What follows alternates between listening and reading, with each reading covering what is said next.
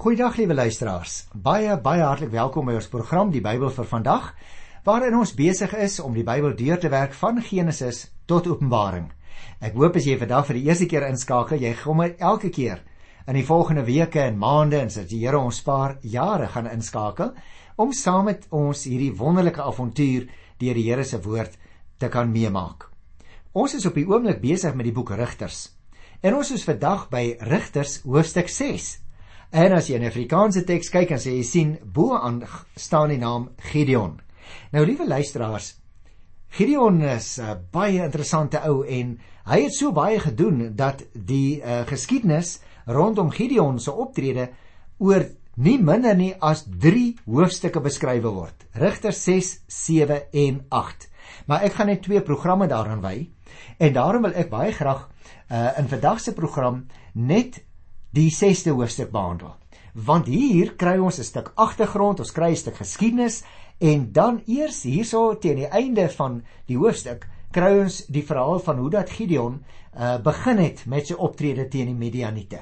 Daarom vandag se program so ek sê handel eintlik oor die begin, die agtergrond en die begin van Gideon se optrede teen die Midianiete en dan so die Here wil, gaan ons dan volgende keer gesels oor hoe dat hy die Midianiete verslaan het. Maar goed, kom ons begin dadelik by hoofstuk 6 en ek wil vir jou so 'n bietjie agtergrond vertel uh voordat ek na 'n bietjie meer van die detail kyk. Want jy sien, liewe luisteraar, met die optrede van Gideon kom daar eintlik nou 'n verandering in die hele geskiedenis van die stamme van Israel. Hulle tot dusver elke keer weer teruggekeer na die Here toe nadat hulle gedoen het wat verkeerd is in die oë van die Here en hy hulle begin straf het. In Gideon se tyd keer hulle ook weer nie werklik na die Here toe terug nie. Die Gideon vertelling lyk vir my begin by Israel wat in die mag van die Midianiete oorgegee is. So gaan ons nou nou lees in die eerste vers. En dit eindig uiteindelik met die Midianiete wat aan Israel onderwerpe is. Daar aan die einde van Hosea 8 by vers 28. Maar ook met die teleurstellende inligting dat Israel in Gideon se tyd ontrou aan die Here geword het. Nou hoekom sê ek dit is 'n wenteling?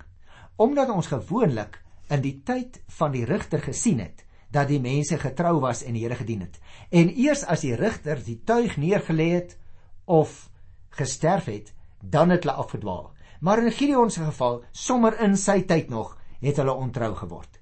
Geen ander leier onder die rigters het soveel versekering van God gekry as juis Gideon nie.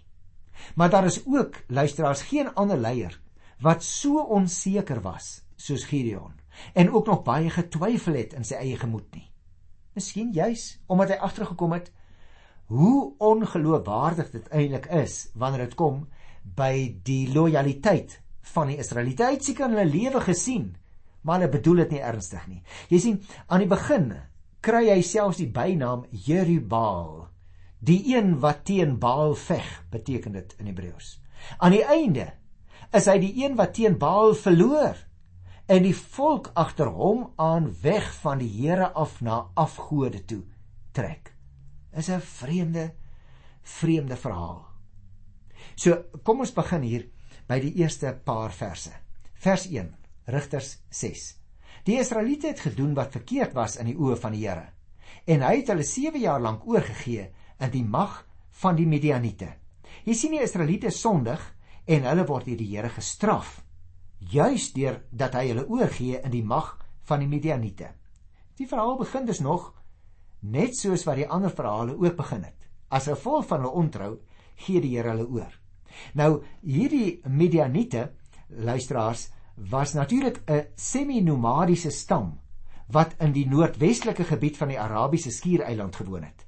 En hulle was die nageslag van Abraham en Ketura. As jy wil kan jy gaan kyk in Genesis, die 25ste hoofstuk, die eerste 2 verse, daar sal jy die inligting kry. Die tweede vers sê: Hulle het die Israeliete hard behandel en daarom het hulle langs die bergstroompies, in die grotte en in ander ontoeganklike plekke gaan bly. Interessant.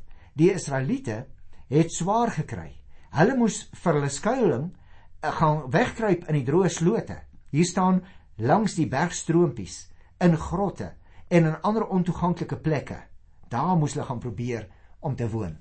Vers 3 sê wanneer die Israeliete iets gesaai het, het die Midianiete teen hulle opgetrek saam met die Amalekiete en ander mense uit die ooste.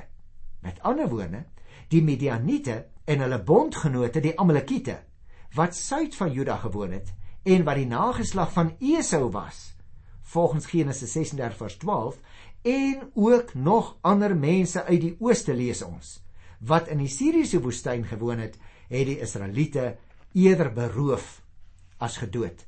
So die arme Israeliete was as dit ware op die vlug hulle eie grondgebied. Hulle het weggekruip oral waar hulle kan. Maar as die vyande nou gekom het, dan is hulle nie doodgemaak nie. Dit was maar net sulke tref en trap situasies. Al hulle goed is elke keer gesteel. Vers 4 en 5. Dan slaan die Midianiete kamp op, vernietig die opbrengs van die land, selfs tot by Gaza se wêreld. Hulle het nie 'n dier in Israel lewend agtergelaat nie nie 'n skaap of 'n bees of 'n donkie nie. Die Midianiete het met hulle veetrop gekom om en kom kamp opslaan. Hulle was so baie so sprinkane. Hulle en hulle kamele kon nie getel word nie. Hulle het die land kaal gestroop. Dit lyk vir my dat die Bybelskrywer of eindkompilators van die boek Rigters hier vir ons wil sê, hoor hierso. Hierdie mense was baie.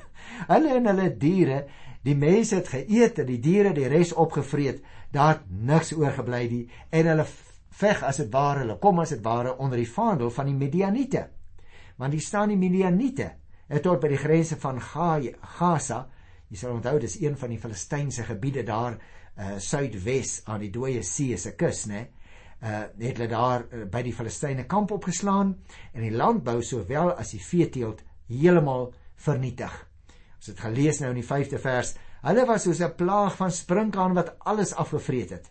Hulle sukses was ook aan die gebruik van kamele te danke. Hierdie diere is uh, tussen hakies liewe luisteraars omstreeks die tyd eers mag gemaak in die geskiedenis.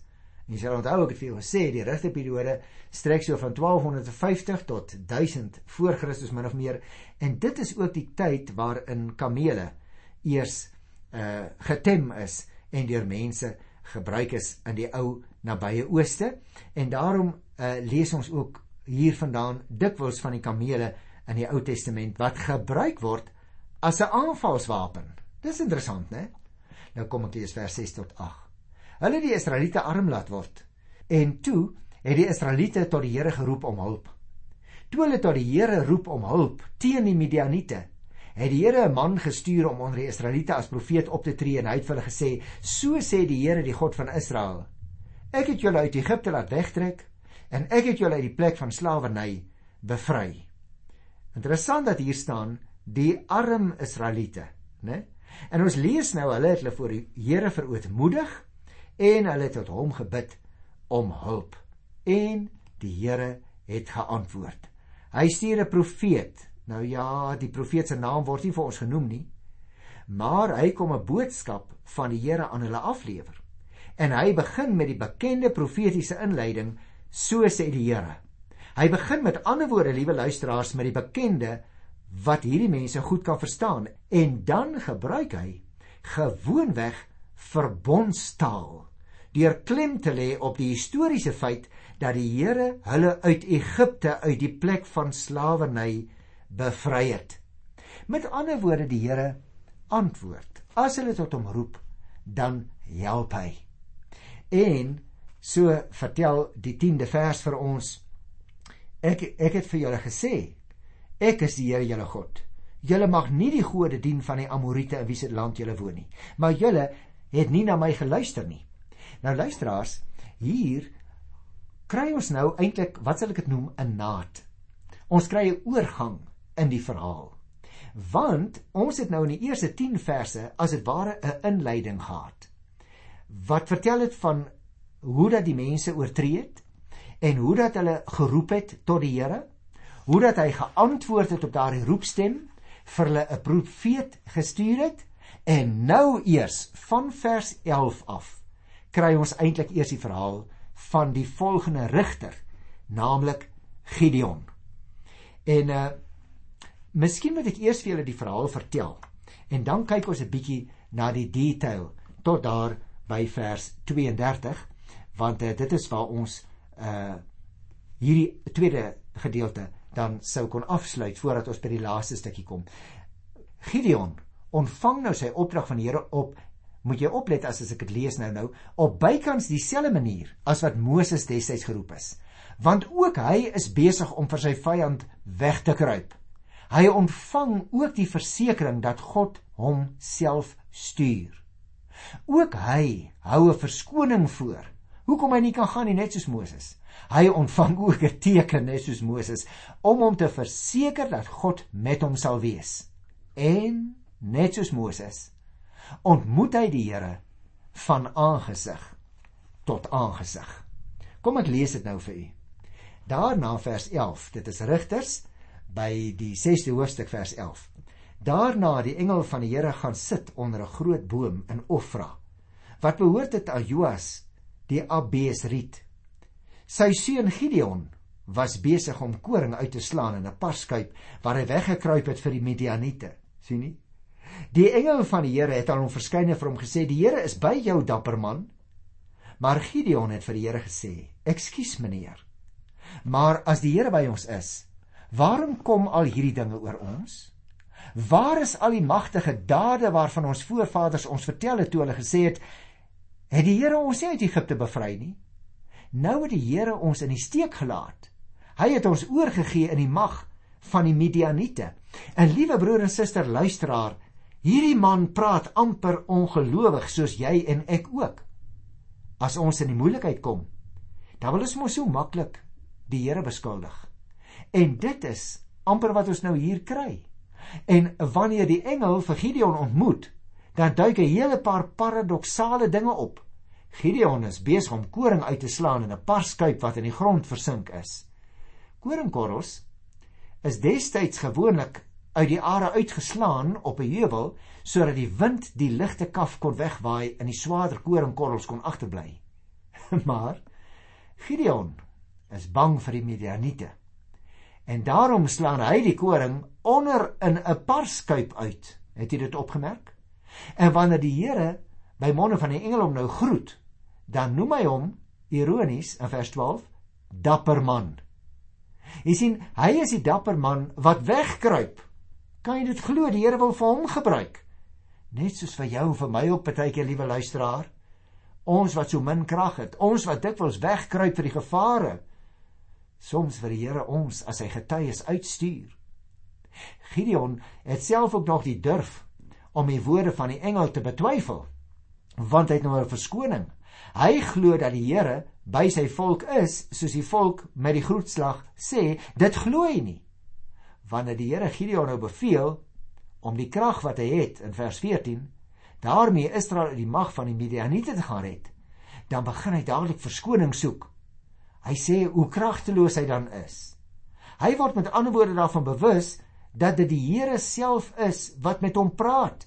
Die Here gebruik hier in vers 16 byvoorbeeld dieselfde naam vir homself wat hy teenoor Moses gebruik het. Luister na vers 16. Die Here het hom geantwoord: Ek is by jou en jy sal die Midianiete verslaan asof hulle nie meer is as een nie.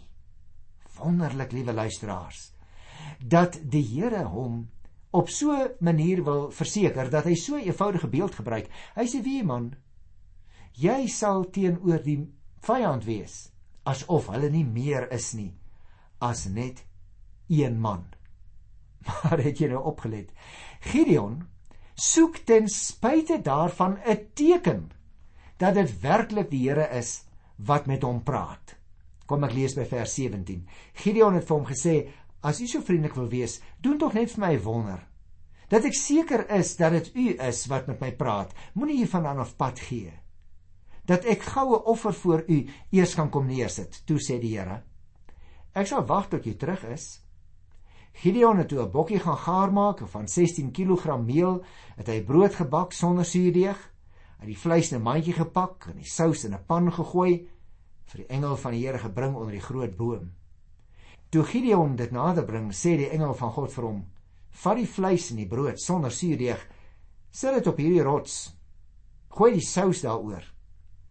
Gideon het so gemaak.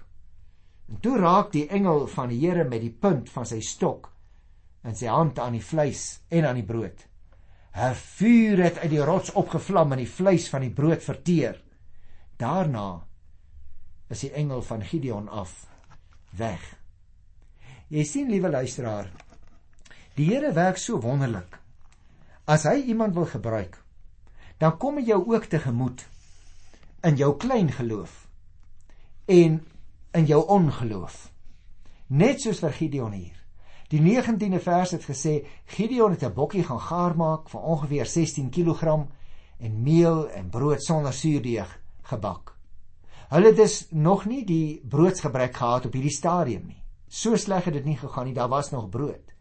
En dan vers 20 en 21 waar die engel met hom praat, het ons gesien 'n opdrag van die engel waar die voedsel as offer aangebied. Die engel het dit nie geëet nie, maar met sy stok aangeraak, waarna 'n vuur dit verteer het. Hy doen 'n wonderwerk, né? Dit was die bewys dat die offer aangeneem is. Hoe die engel verdwyn het, word nie vir ons gesê nie.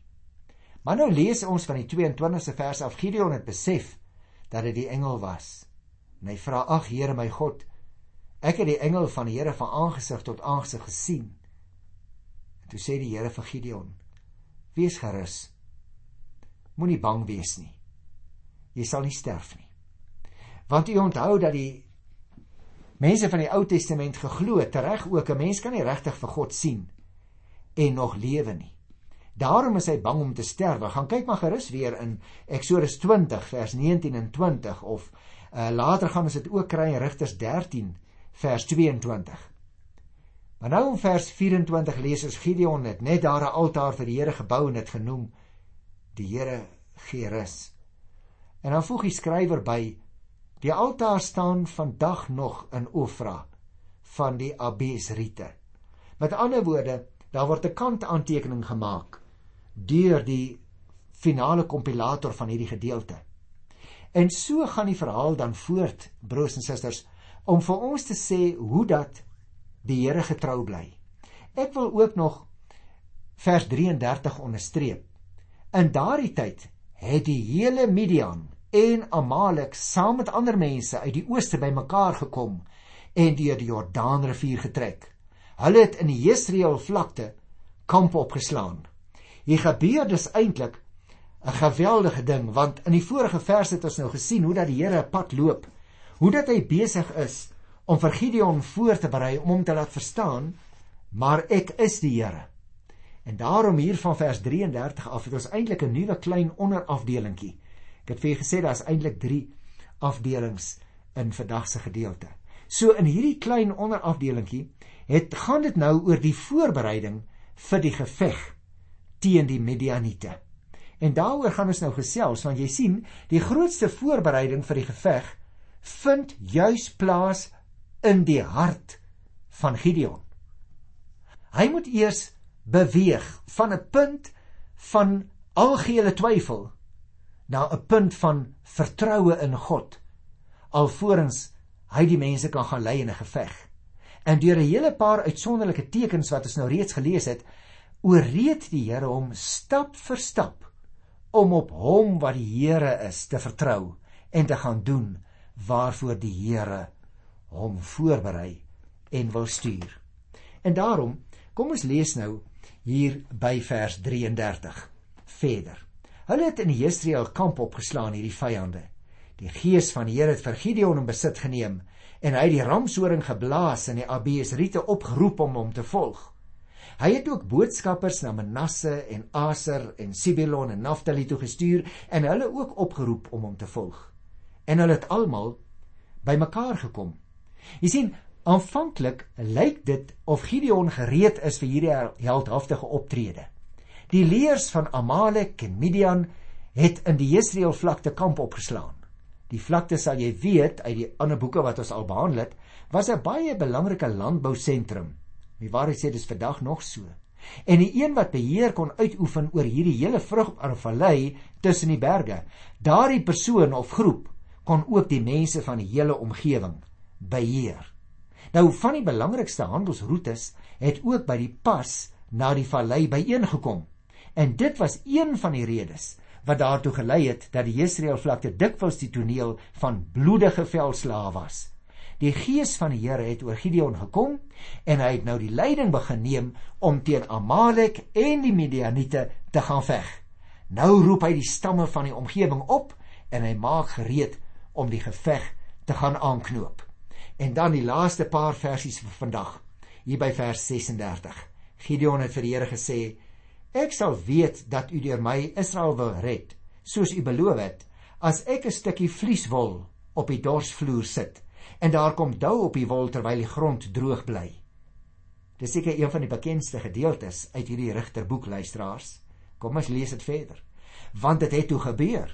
Toe Gideon die volgende môre opstaan, het hy die stukkie wol uitgedraai en dou daar uitgedruk. Hy hele kom water vol.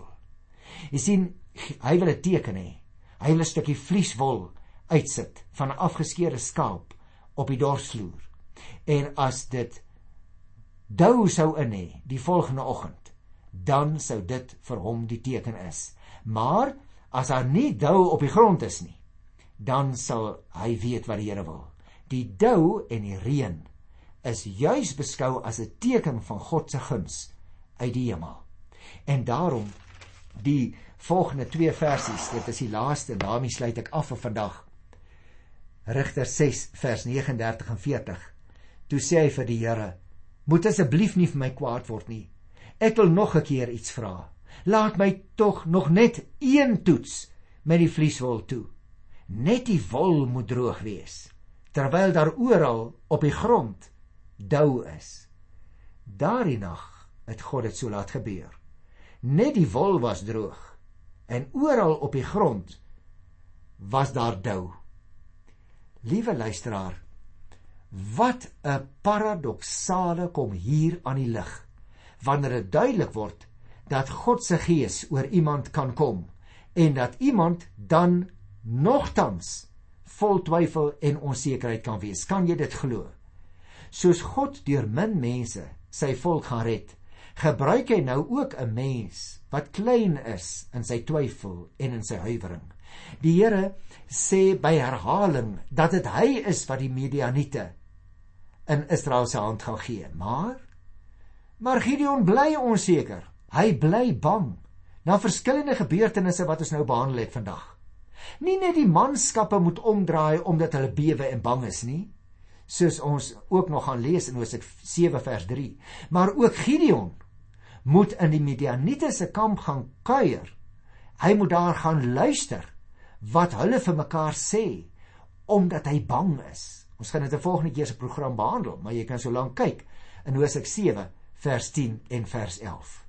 En daarom hierdie tekens was nie bedoel om vir Gideon God se besluite te kenne te gee nie. Dit het die engel van die Here hom mos alreeds meegedeel. Nee, hierdie tekens, ook hierdie laaste een, was om hom sy twyfel aan God se besluite te bowe te laat kom. Hom te laat glo dat God presies sal doen wat hy gesê het hy sal doen. Dit gaan dus nie oor tekens wat vir ons wil vertel van God se almag nie. Dit gaan oor tekens om hierdie man se eie klein geloof te laat verander in geloof. Dit is amper soos in Johannes 2 by die eerste wonderwerk wat Jesus gedoen het. Daarom moet ons tog onthou, liewe broers en susters, jy en ek moet versigtig wees om al ewig wondertekens te wil hê. Die wondertekens dui op wat God kan doen. Hy werk op 'n sagte manier met jou en met my. Kom ons buig in volkomme oorgawe en vertroue voor die Here dalk 'n bietjie anders as Gideon.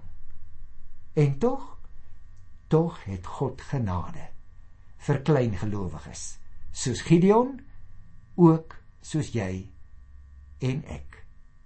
Tot volgende keer in sy wonderlike naam. Totsiens.